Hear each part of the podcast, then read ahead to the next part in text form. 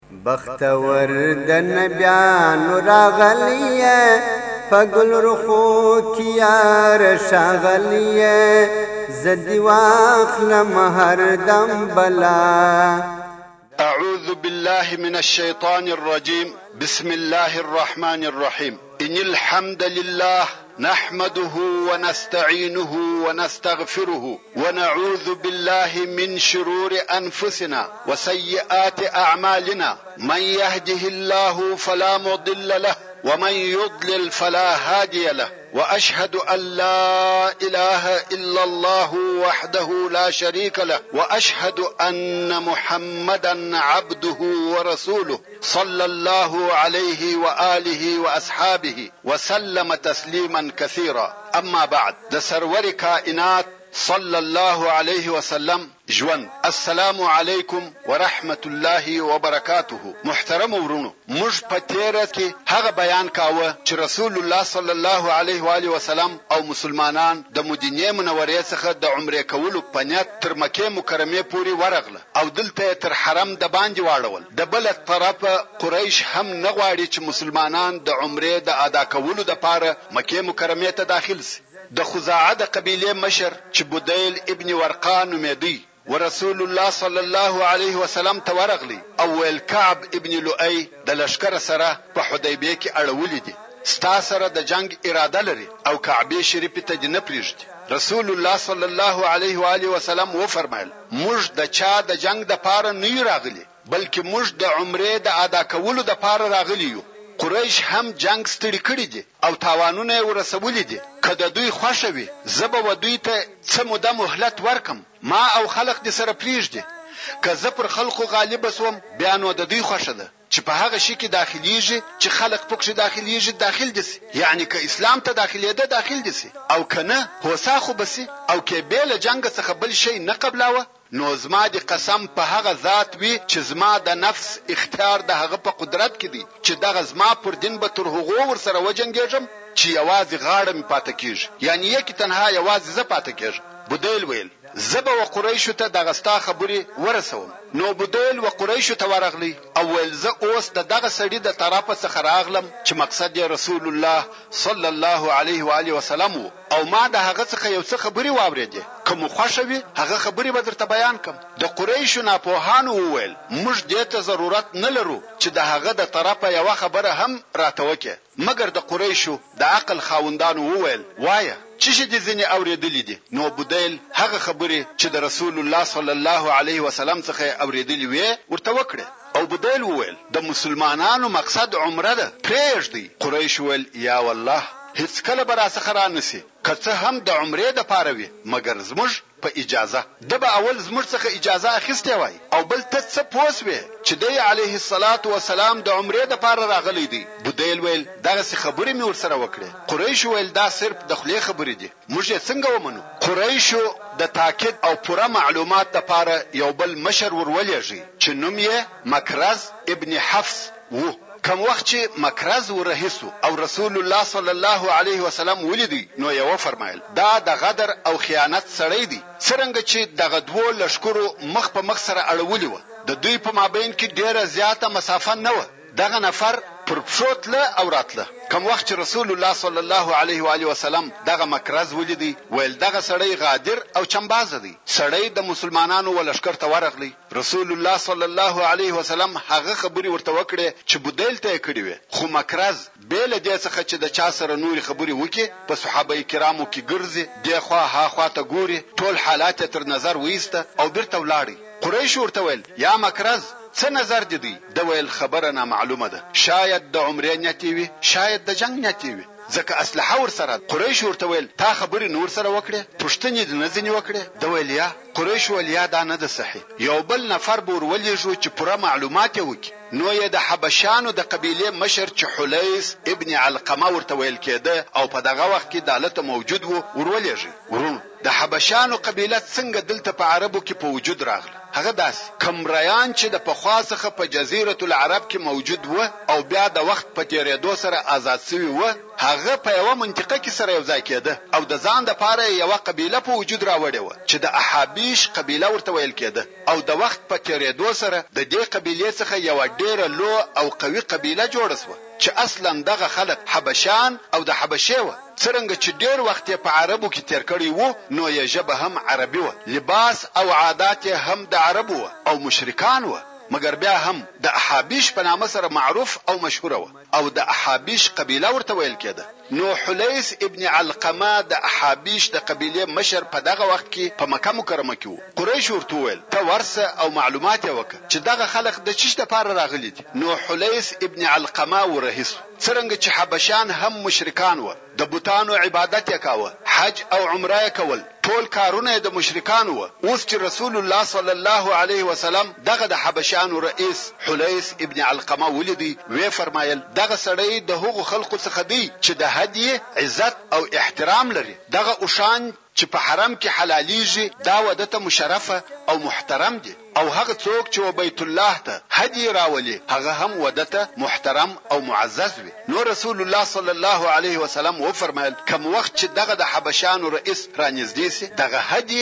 د ده و مخ ته ور وباسئ کوم وخت چې هغه را نږدې شو مسلمانانو هم هدي ورته راويستې او دوی تلبيه ويل. حلیز چې حجي او د دوی تلبیه ولیده ویل، سبحان الله، قریشو ته دا نه ښايي چې دغه خلق د بیت الله څخه منع کړي، دا په خپله یوه ښکاره علامه ده چې مسلمانان د عمرې اراده لري، نو حلیز بیرته و قریشو ته ورغلی او ویل، سړی د عمرې اراده لري، قریشو ویل، څه پوه شوې؟ حلیز ویل، حجي ورسره دي، قریشو و ده ته ډیر سخت جواب ورکړ ویل، ته صحرایي یې په دې شیانو نه پوهیږې. حلیس ته قهر ورغلی، ویل، یا قریش! موږ ستاسې سره پر دې وعده نه ده کړې چې تاسې به د بیت الله څخه هغه کسان منع کوئ کوم چې د کعبې شریفې د تعظیم دپاره راځي، ایا هغه کسان د بیت الله څخه منع کیږي چې د بیت الله د تعظیم دپاره راځي؟ هغه راغلي دي چې د کعبې تعظیم وکړي او هدیې یې راوستلي دي او تاسې یې منع کوئ؟ که تاسې دوی پرې نه ږدئ، د دوی او د کعبې په مابین کې ودرېږئ، قسم په الله! زه به د حبشیانو قبیله پر تاسې راپورته کړم او پر تاسې به حمله وکړو. قریشو ویل، سړیه!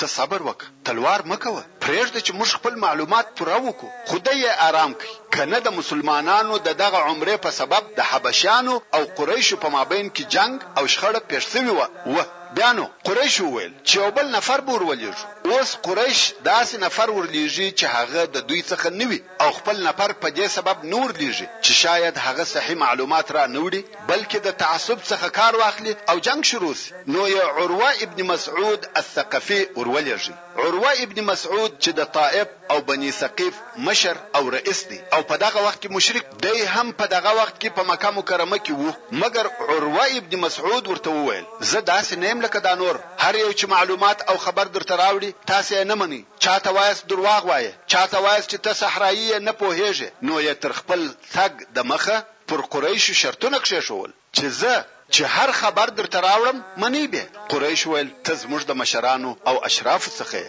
ستا خبر منو، ولاړ شه معلومات يې وکړه. وروڼو! د دې د پاره چې په عربو کې د عروه ابن مسعود مقام او درجه در معلوم شي، دی د هغه دوو نفرو څخه دی چې الله عزوجل په قرآن مجيد کې د کفارو پر ژبه ذکر کړی دی چې کفارو به ويل، لولا نزل هذا القرآن علی رجل من القریتین عظیم یعنی کفارو به ویل چی دغه قرآن ولی نه نازلیدی پر یوه نفر د دغه دوو قریو چی دغه دوې قریې مکه مکرمه او طائف چی دغه سړی هم ډیر لوی دی چی په مکه مکرمه کی یې ولید ابن مغیره مقصد وو او په طائف کی یې دغه عروه ابن مسعود مقصد چی د کفارو ددې خبری څخه دا معلومیږی چی دغه دوه نفره په دوی کی ډیر معتبره وه. نو ویل که قرآن پر یوه د دغه دوو نازل شوی وای موږ به قبول کړی وای نو دا په عربو کی د عروه ابن مسعود مقام او درجه وه نو د ده د دغه لوړی درجی په سبب قریشو و ده ته وعده ورکړه چی ستا خبره نه در ردوو عروه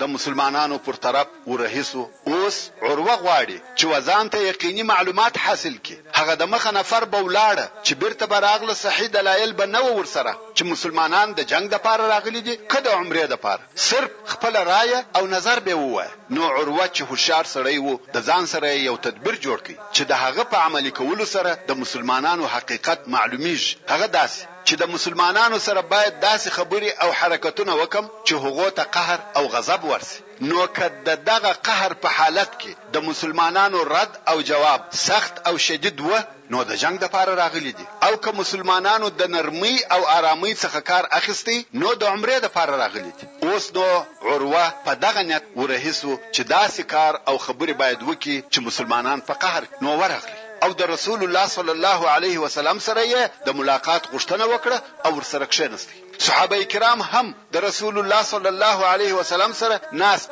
څرنګه چې عروه ابن مسعود په اسلحه مسلح راغلی او اسلحه یې نه ایسته کول نو رسول الله صلی الله علیه وسلم هم هغه خپل خاص محافظ یا ساتونکی چې اوس باډي ګارډ ورته وایي مغیره ابن شعبه رضی الله تعالی عنه امر کوي چې خپل د جنګ لباس دې واغوندي او مسلح دې دلته ولاړ وي دا هم د احتیاط لپاره نو مغیره ابن شعبه رغدی الله تعالی عنه زغره واغوسته، خول یې پر سر کړ، بې له سترګو بل ځای یې نه معلومېږي او توره په لاس د رسول الله صلی الله علیه وسلم تر شا ودرېد، وايي که چېرې عروه ابن مسعود د غدر حرکت وکړ، په توره بې وهي. وروڼو! دغه مغیره ابن شعبه الثقفي، د رسول الله صلی الله علیه و آله وسلم محافظ د دغه عروه ابن مسعود الثقفي وراره دی او عروه یې اکا دی مګر دغه خپل اکا و نه پېژندی ځکه مغیره زغره او خول اغوستي دي او مخ یې نه لیدل کېږي. اوس نو عروه د رسول الله صلی الله علیه و آله وسلم و مخ ته کښېنستی او رسول الله صلی الله علیه وسلم ته وایي،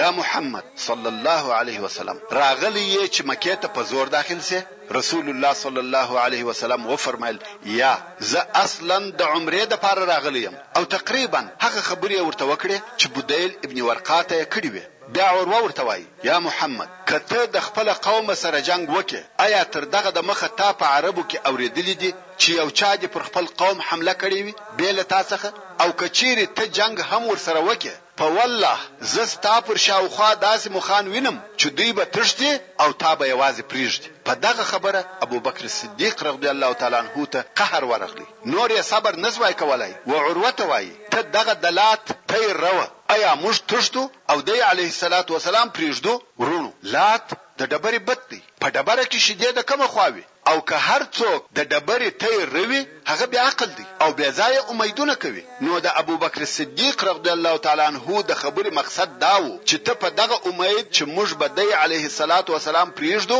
داسې یې لکه د لات تی چې روې او لات د طائف د خلقو بت و. او عروه هم د طائف دی چې په دې خبره کې عروه ته ډېر اهانت او سپکاوی وو، رسول الله صلی الله علیه وسلم و ابوبکر صدیق رضی الله تعالی عنه ته وویل، پرېږده یا ابابکر، ځکه رسول الله صلی الله علیه وسلم د عروه په مقصد پوهېدی چې دی غواړي چې مسلمانان په قهر کړي. عروه ابن مسعود چې د ابوبکر رضی الله تعالی عنه ترخه خبره واورېده ویل، دا څوک دی؟ خلقو ویل، ابوبکر! نو یې ابوبکر ته وکتل او ویل، که چیرې زه ستا تر احسان نه وای لاندې، ما به ستا جواب درکړی وای. په پخوا کې ابوبکر صدیق رضی الله تعالی عنه د عروه سره په یوه دیت کې د مال پوره کومک کړی و، نو عروه ویل، د هغه احسان په سبب څه نه وایم. د ابوبکر صدیق رغدی الله تعالی عنه او عروه په مابین کې خبره په آرامي سره پای ته ورسېده، وروڼ! په هغه وختو کې د عربو دا عادت و، که به یو چا غوښته چې د ده په حضور هغه مقابل طرف په قهر کړي، نو به یې د خبرو په جریان کې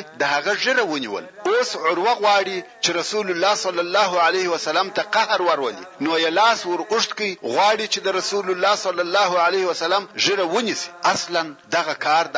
د ادب څخه لرې هم دی سپک کار دی بیا نو رسول الله صلی الله علیه وآله وسلم په مقابل کې خو عروه ابن مسعود چې لاس ور اوږد کړ د مغیره ابن شعبه رضی الله تعالی عنه د طاقته ووته توره یې واړول د تورې په چپه طرف یې عروه ابن مسعود پر لاس وواهه او هغه یې ددې څخه منع کړ چې لاس یې ورسول الله صلی الله علیه وسلم ته ورسیږي او ویل لاس دې د مخه تر دې چې درڅخه پرې شي د رسول الله صلی الله علیه وسلم څخه لرې کړه لاس دي درټولوې که درپرېکم؟ عروه وبېرېدی، ځکه د تورې واری و، ویل دا قهرمن او بد طبیعته څوک دی؟ دا ولې داسې کوي؟ ما غوښته چې خبرې درسره وکړم. رسول الله صلی الله علیه وسلم وخندل، ویل نې پېژنې؟ عروه ویل یا، ویل دا ستا وراره مغیره ابن شعبه دی. عروه ابن مسعود ورته ویل، اې غادره! اې خائنه! ما ستا بدۍ پرون درپرېولې. عروه ابن مسعود په دې خبره کې و یوې قصې ته چې د مخه پېښه شوې وه اشاره وکړه، چې هغه قصه داسې وه. مغیره ابن شعبه الثقفې چې اوس مسلمان او د مسلمانانو سره دی، دی څنګه مسلمان شو؟ مغیره ابن شعبه د بني مالک د خلقو د یوې ډلې سره د مصر پاچا مقوقس ته ورغله، د بني مالک خلق آرام، پاسته او با ادبه خلق وه، مګر مغیره شوخ، قهرمن او بې پروا سړی و، نو مغیره د مقوقس سره په خبرو کې د ادب، احترام، خیال او مراعت نه کاوه او هغه نورو په ډېر احترام خبرې کولې. کوم وخت چې دغه نفر بیرته د مصر څخه را رهي کېده نو مقوقس پاچا امر وکړ چې و ټولو ته دې انعامونه او سوغاتونه ورکول شي بې له مغیره څخه ځکه هغه زما احترام نه کاوه و مغیره ته یې شی نه کړ ور نو د بني مالک ټول نفر د مصر څخه د مالو، هدیو، انعامو او سوغاتو سره را ووتل بې له مغیره څخه. مغیره ته هم قهر ورغ چې دده سره ولې داسې معامله او وضعیت تر مصر پورې یې سفر وکړ او دهاخوا بې له سوغاته راځي دا غیر معقوله ده اوس چې دهاخوا پر لارې رارهي دی د شپې د بني مالک نفر ټول بیده شو مغیره ابن شعبه چې ویښ دی ور ولاړ شو او هغه نفر یې ټول ووژل ټوله دیارلس نفره وه هغه یې ټوله ووژل او هغه مالونه چې د هغو سره وه هغه ټول مغیره واخیسته. دا خبر و بني مالک ته ورسېد چې مغیره د دوی نفر ووژل، نو د بني مالک قبیله ټوله راپورته شوه او د بني ثقیف څخه یې وغوښتل چې مغیره ور تسلیم کړي، مګر مغیره د بني ثقیف د اشرافو څخه یو شریف دی، د هغو د مشرانو څخه دی او په عربو کې د قومیت مراعت ډېر زیات کېده او په دوی کې دا متل و، انصر اخاک ظالما او مظلوما. د ورور کومک دي کوه که ظالم يي که مظلوم که څه هم مغيره د ديارلس نفرو قاتل وو خو قوم يي نه غوښته چي دی و بني مالک ته تسليم کړي خبره تر داسي اندازې ورسيده چي قريبه وه چي د بني مالک او ثقيف تر مابين لوی جنګ پيښ سي دواړو قبيلو لښکري جوړي کړې او د جنګ ميدان ته هم سره راووتل خو په دغه وخت کي د عربو يو هوښيار سړی و عروه ابن مسعود ته ورغلی ويل يا عروه ته د عربو يو سردار او د عربو د مشرانو څخه یې ته تر دې هوښیار یې چې جنګ دې وکړې، مه دې خپل قوم تباه کوه او مه بني مالک بربادوه، عروه ویل نو څنګه وکړم؟ هغه نفر ویل زما مشوره دا ده چې و بني مالک ته د دغه دېرلسو نفرو دیت ورکړې، نو رښتیا هم عروه ابن مسعود د وینو تویولو څخه ځان وساتی او بني مالک ته یې د دېرلسو نفرو دیت ورکړ. د بني مالک او بني ثقیف په مابین کي چي کومه شخړه وه هغه پای ته ورسېده مګر مغیره چي بیا هغه دیارلس نفره ووژل او د هغو مالونه یې واخیست نو مدینې منورې ته ولاړی او مالونه یې هورې ورسره یوړه هلته یې خپل اسلام اعلان او مسلمان سو رسول الله صلی الله علیه وسلم ورته وویل اسلام دي هو صحیح دی مګر غدر او خیانت دی یا نې قبلو مال باید بیرته و بنی مالک ته ورکول سی دلته نو د مغیره رضی الله تعالی عنه د لاسه څخه مال ووتی او دی په مدینه منوره کی مسلمان پاته سو دا د مغیره ابن شعبه رضی الله تعالی عنه د اسلام قصه وه اوس عروه ابن مسعود هغه خبره وریاده کړه ویل ما ستا بدی پرون در پریوله یعنی ما خلاص کړې زه وم چی ته می ددغه لوی مشکل څخه وساتلې ستا دپاره می دیت ورکړ. او ته مې اوس پر لاس وهې؟ مغیره رغضی الله تعالی عنه په جواب کې ورته وویل، هذا رسول الله، یعنې هو، ستا ټول احسانونه پر ما سته، هر څه چې وایې هغه صحیح دي، مګر دا رسول الله دی، دلته به لاس نه اوږدوې. وروڼو! ښه متوجه شئ، دا د رسول الله صلی الله علیه و آله وسلم پر دفاع او ساتنه د اصحاب کرامو حرص و، په دغه وخت کې چې عروه ابن مسعود ناست دی، د لمانځه وخت سو، بلال رغضی الله تعالی عنه ولاړ سو آذان یې وکړ، رسول الله صلی الله علیه وآله وسلم د اوداسه تازه کولو د پاره ولاړ سو، عروه ابن مسعود ناست دی او ورته ګوري، رسول الله صلی الله علیه وسلم اودس تازه کوي، اصحاب کرام پر راټول دي، رسول الله صلی الله علیه وسلم چي د اوداسه په تازه کولو کي هره عضوه یا اندام مینځي، یعني مخ، لاس، پښه، صحابه کرام هغه اوبه په لاسو کي نیسي او بیا یې په خپلو ځانو پوري موږي، رسول الله صلی الله علیه و آله وسلم خوله پرېوله او هغه اوبه یې تو کړې، صحابه کرامو هغه اوبه ونیولې او په ځانو پورې یې موږي، عروه په تعجب کې شو چې دا څونه عزت او محبت دی چې دا خلق یې د رسول الله صلی الله علیه و سلم سره لري، بیا یې د مسلمانانو لمونځ ولیدی ټوله په صفو کې منظم ولاړ دي، رسول الله صلی الله علیه و سلم د مخه دی او ټول مسلمانان یې په یوه تکبیر اطاعت کوي، عروه ابن مسعود په دغونه کفایت وکړ. د رسول الله صلی الله علیه وسلم او مسلمانانو سره یې نور بحث او خبرې ونه کړې، بیرته قریشو ته ورغ او د هغو له مشرانو سره کښېنست، هغو ویل، وایه څه دې ولیده او څه خیال دې دی؟ عروه ویل، د مخه تر دې چې خپله رایه او نظر درته ووایم، زه و کسرا ته د هغه په پاچهیو کې ورغلی یم، قیصر او نجاشي ته د هغو په پاچهیو کې ورغلی یم، په والله ما یو هم نه دی لیدلی چې په خپله پاچهي کې دې تر محمد صلی الله علیه وسلم په خپلو اصحابو کې معزز او محترم وي، والله ما هیڅ داسې پاچا نه دی لیدلی چې خلق ترې داسې محبت، ادب او احترام ورسره کوي لکه د محمد اصحاب چې یې د محمد سره کوي، که بې ناړې تو کړې هغه پر مځکه نه لوېدلې بلکې د ده د ملګرو څخه به بیا د یوه په ورغوي کې وې هغه به یې په خپل مخ او پوست پورې موښلې. که به یو امر وکړ په ډېره چابکي سره یې هغه د ده امر پر ځای کاوه، که به یې اودس تازه کاوه قریبه وه چې دوی خپل ځانونه د ده د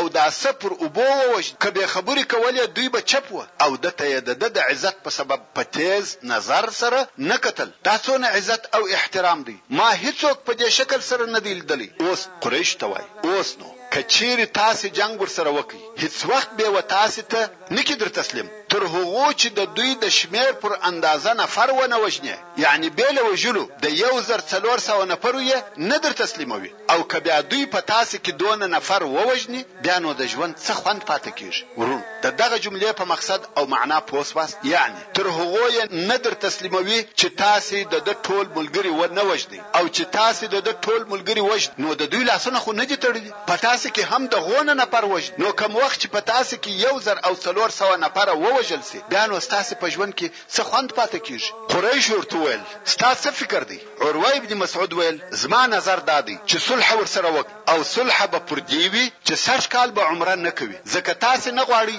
چې مسلمانان سږ کال مکې مکرمې ته داخل شي، اوس چې د قريشو بې پروا او ناپوهو ځوانانو وليده چې د دوی مشران د صلحې خبرې کوي او د صلحې و خوا ته يې ميل دی، نو يې داسې يو عمل او کار وسنجاوه چې د صلحې خبرې د بينه يوسي. نو دغو ځوانانو داسې فيصله وکړه چې د شپې به د مسلمانانو و لښکر ته ورننوځو. او هلته به داسې کارونه کوو چې جنګ شروع شي، نو واقعا هم د کفارو ځوانانو د دغه فیصلې پر عملي کولو اقدام وکړ او اویا یا اتیا نفره د شپې د جبل تنعیم د طرفه پر مسلمانانو راکښته شول، غواړي چې د مسلمانانو په لښکر ورننوځي، خو د مسلمانانو د پیره دارانو قومندان محمد ابن مسلمه رضی الله تعالی عنه ویښ او بیداره دی او د کفارو دغه حرکت ویني نو یې د مسلمانانو یوه ډله امر چې اسلحه واخلي او دغه نفر د شا د طرفه محاصره کړ او بله ډله د مخ د طرفه ورغله او پر دوی را وګرځېده دغه اویا اتیا نفره یې ټوله ونیول او رسول الله صلی الله علیه وسلم ته یې راوست او هلته قریشو ته خبر ورسېدی چې ستاسې نفر بندیان ونیول شوه قریشو د خپلو نفرو د خلاصولو لپاره و جنګ ته ځانونه آماده کړل مګر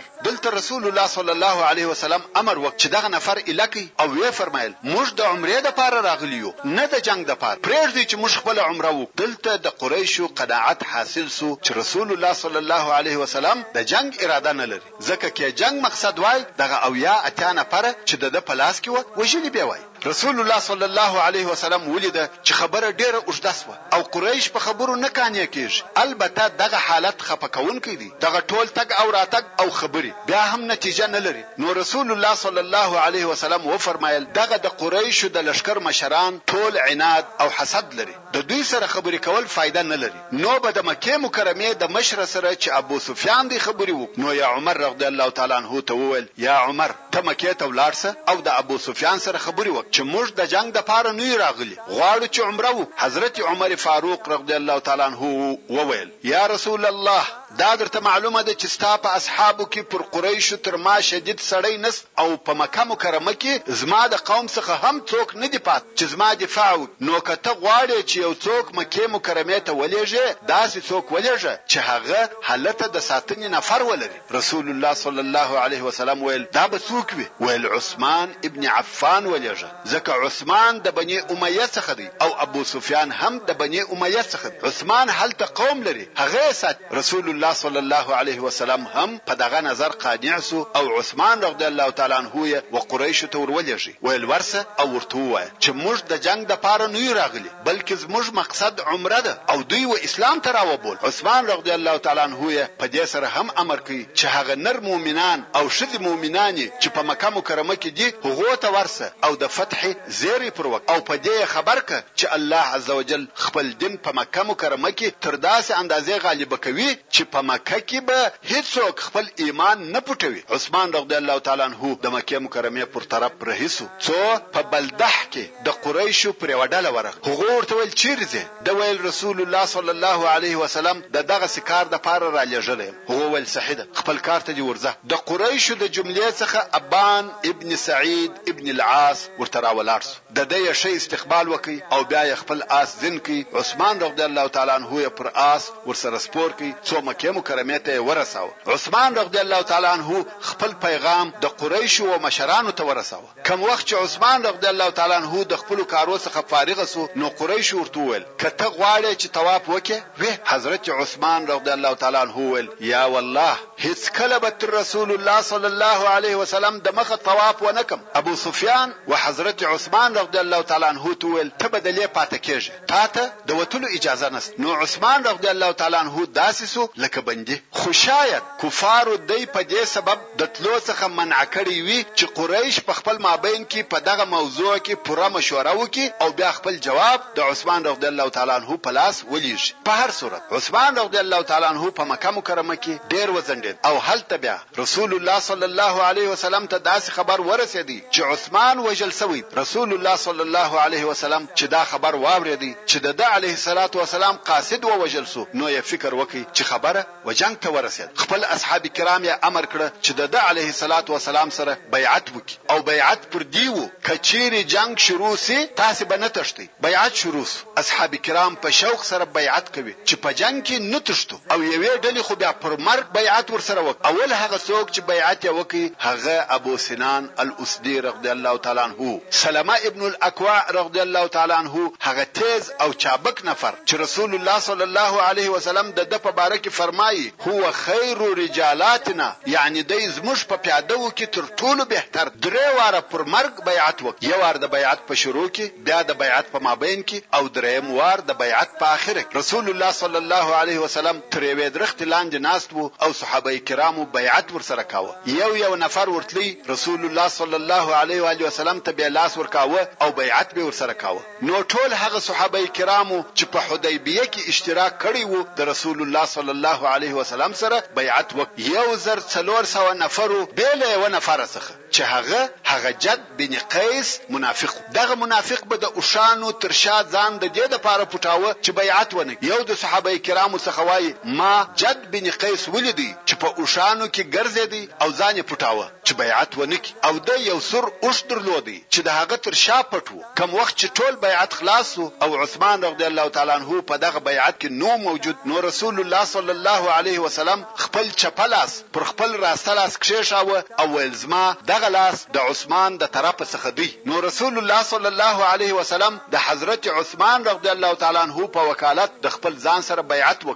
بیا نو صحابه کرامو وویل، والله د رسول الله صلی الله علیه وسلم چپه لاس زموږ د ټولو تر راسته لاسو فضیلت لري، ځکه چې رسول الله صلی الله علیه وسلم خپل چپه لاس د عثمان رغدی الله تعالی عنه د لاس پر ځای استعمال کوم وخت چې بیعت پای ته ورسېدی ورسول الله صلی الله علیه وسلم ته خبر راغلی چې هغه د عثمان رغدی الله تعالی عنه د وژل کېدو خبر باطل او غلط بیا نو رسول الله صلی الله علیه وسلم په دغه وخت کي و اصحاب کرامو ته هغه لوی زیری ورک او ویې فرمایل، والله هغه څوک چي زما سره یې تر دغه درخته لاندي بیعت کړی دی هغه و اور ته نه داخلیږي بې له خاونده څخه د هغه سره اوښ رسول الله صلی الله علیه وسلم پیژندی او ور معلوم وو.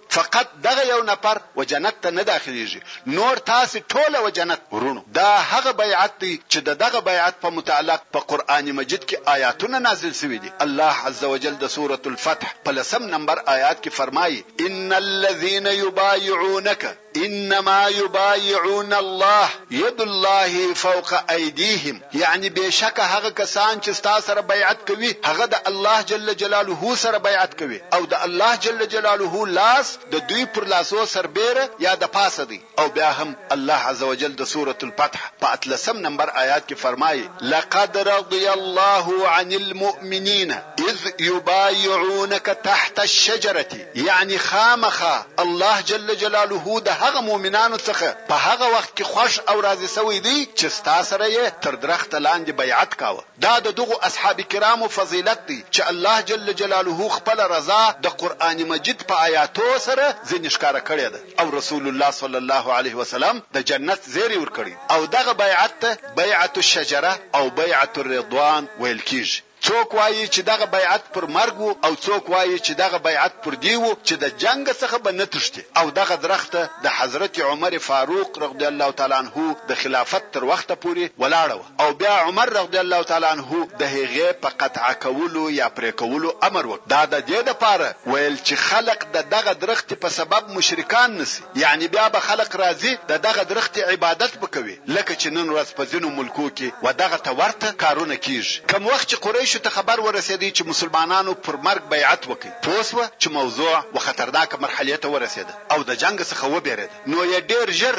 سهیل ابن عمرو و رسول الله صلی الله علیه وسلم ته د صلح کولو دپاره ورولېږي او پر سهيل يې دا تاکيد وکړ چې صلح به پر دې ورسره کوي چې سږ کال به ځي ځکه چې بيا عرب ونه وايي چې مسلمانان په زور مکې مکرمې ته ننوتل رسول الله صلی الله عليه وسلم چې وليد چې سهيل ورهي دی وې پېژند او وې فرمايل سهيل سهل الله لکم امرکم يعني الله جل جلاله دا موضوع درته اسانه کړه. قریشو د صلحې اراده کړې ده، ځکه سهیل په قریشو کې د خبرو سړی و، قریشو چې به هر وخت غوښته چې یوه موضوع د خبرو د لارې فیصله کړي نو بیا سهیل ورلېږي لکه وزیر خارجه او هغه نور یې جنګ غوښتی لکه د وزارت دفاع نفر، دغه سهیل فقط د صلحې لپاره لېږل کېدی، نو کوم وخت چې رسول الله صلی الله علیه وسلم سهیل ولیدی نو یې وفرمایل الله جل جلاله اسانتیا درته راوست. خیر، سهیل راغلی، کښېنست او د رسول الله صلی الله علیه وسلم سره یې ډېرې اوږدې خبرې وکړې او بیا د دوی په مابین کې د صلح پر مادو اتفاق وشو چې هغه په داسې ډول سره و، اول، رسول الله صلی الله علیه وسلم او مسلمانان به سږ کال بېرته ځي او مکې مکرمې ته به نه داخلېږي او بیا په راتلونکي کال کې د مسلمانانو حق دی چې د عمرې دپاره راشي او مکې مکرمې ته فقط د درو شپو دپاره داخل شي. په دې شرط چې مسلمانان به و مکې مکرمې ته هیڅ قسم اسلحه نه ورسره راوړي بې له تورو څخه چې هغه به هم په پوښو کې وي او قریش به هیڅ قسم تعرض او تیری نه پر کوي دا ماده فقط د عمرې په متعلق وه. دوهم، دغه د جنګ او د دښمنۍ حالت چې د مسلمانانو او قریشو په مابین کې دی، دا به د لسو کلو د پاره ختميږي يعني لس کاله به يو پر بل تعرض نه کيږي چې خلق ټول په امان شي نه به جنګ وي نه پر قافلو حبلې هيڅ قسم تعرض او تجاوز به نه وي دريم هر څوک چې د قريشو څخه د خپلو مشرانو بې اجازې و مدينې منورې يا محمد صلی الله عليه وسلم ته مهاجر ورشي محمد عليه الصلاة والسلام به بيرته هغه نفر و قريشو ته ورکوي. او که د قريشو څخه هر څوک مرتد سو د مدينې منورې څخه مکې مکرمې ته راغلي هغه نفر بيرته و مسلمانانو ته نه ورکول کيږي چي دا پر مسلمانانو هغه ډير دروند شرط ځکه داسي معلوميده چي کفار پر مسلمانانو فضيلت او لوړوالی لري ولي د کفارو څخه راغلی مسلمان بيرته و کفارو ته ورکول کيږي او د مسلمانانو نفر و مسلمانانو ته نه ورکول کيږي نو په ښکاره داسي معلوميده لکه کفار چي په دې صلح کي لوړ او کاميابه وي. څلورم، هر څوک یا هره قبیله چې وغواړي چې په دغه عهد او اتفاق کې د محمد صلی الله علیه وسلم او مسلمانانو په طرف کې داخل شي کولای شي او هر څوک یا قبیله چې وغواړي چې د قریشو په طرف کې داخل شي کولای شي. د دغه صلحې په وخت کې د خزاعه د قبیلې مشران او د بنو بکر د قبیلې مشران موجود وو. د خزاعه مشرانو وویل چې موږ د محمد صلی الله علیه وسلم په طرف کې یو. او د بنو بکر مشرانو بیا وویل چې موږ د قریشو په طرف کې یو او د دغه قبیلو په دغه طرفو کې داخلیدل او شاملیدل بیا په وروسته کې د مکې مکرمې د فتحې سبب وګرځیده او دغه صلح هم د دغه قبیلو په سبب ماته شوه ځکه بنو بکر چې د قریشو په طرف کې وه پر خزاعه چې د مسلمانانو په طرف کې وه تجاوز او تیری وکړ چې د هغه مفصل بیان به بیا پر هغه خپل وخت درته وکړم ان شاء الله تعالی نو دغه قبیلې په دغه وخت کې په دغه حلف او اتفاق کې شاملې شوې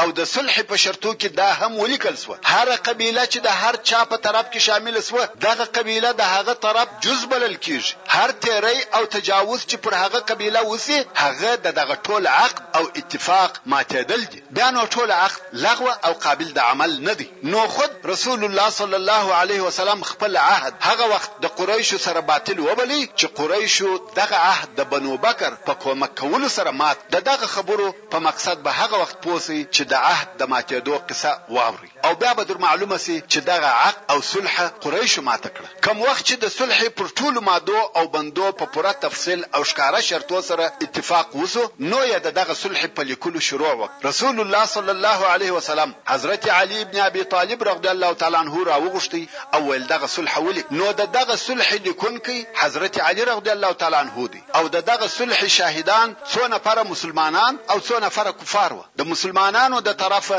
د صلحې شاهدان ابوبکر صدیق، عمر فاروق، حضرت علی چې د صلحې لیکونکی هم وو، محمد ابن مسلمه او څو نفره نور وه، رضی الله تعالی عنهم اجمعین، او د کفارو د طرفه د دغه صلحې شاهدان سهیل ابن عمرو، حلیث ابن عبدالعزی او څو نفره نور وو، رسول الله صلی الله علیه وسلم و علی رضی الله تعالی عنه ته وویل، ولیکه! بسم الله الرحمن الرحیم سهیل د اوله څخه مخالفت شروع کړ ویل رحمن موږ نه پیژنو داسې ولیکه بسمک اللهم رسول الله صلی الله علیه وسلم علی رغدی الله تعالی عنه امر کوي چې دغسې ولیکه بیا یې ورته وویل ولیکه دا هغه بیان دی چې پر هغه باندې محمد رسول الله او سهیل ابن عمر صلح وکړه دلته بیا سهیل اعتراض وکړ ویل والله که موږ په دې پوه شو چې ته رسول الله یې موږ به ته د بیت الله څخه نه وای منع کړی او نه به مو جنګ درسره کولای بلکه ولیکه محمد ابن عبدالله داسې مه لیکه چې محمد رسول الله ځکه زه دغه لفظ نه منم مسلمانان د دغه خبرو څخه په تنګ شوه قهر او غصه یې زیات شوه مسلمانان اصلا د دغه صلحې څخه ناراضه وه مسلمانان په دې نه وه خوښ چې داسې صلحه دې وشي چې دوی د مکې مکرمې د ننوتلو څخه منع او عمره کولو ته دې نه پریږدي. او اوس پر هغه سربېره د کفارو د طرفه دغه سختي او دغه عناد ورسره کېږي؟ د مسلمانانو قهر زیاتېدی، رسول الله صلی الله علیه وسلم وفرمایل، زه رسول الله یم، که څه هم تاسې مې نه ومنئ، او علي رضی الله تعالی عنه یې امر کړ چې محمد ابن عبدالله ولیکه او د رسول الله جمله پاکه کړه، علي رضی الله تعالی عنه د رسول الله د جملې د پاکولو څخه انکار وکړ، ویل، والله دغه جمله به نه کړم پاکه، رسول الله صلی الله علیه وسلم. ویل، هغه جمله کومه ده؟ هغه جمله یې وروښول او رسول الله صلی الله علیه وسلم په خپله د رسول الله جمله پاکه کړه، ځکه د رسول الله صلی الله علیه وسلم صلح مقصد وه، اوس چې د صلح نامې څخه فقط دغه جملې ولیکل شوې، بسمک اللهم، دا هغه عهد دی چې د محمد ابن عبدالله او سهیل ابن عمر په مابین کې پر هغه اتفاق وشو، په دغه وخت کې چې د عهد په لیکلو شروع شوې ده، تر خیمې د باندې چغې او نارې جوړې شوې، مسلمانان. د معلومات دپاره تر خیمې دباندې ور ووته، که ګوري چې د مکې مکرمې د مسلمانانو څخه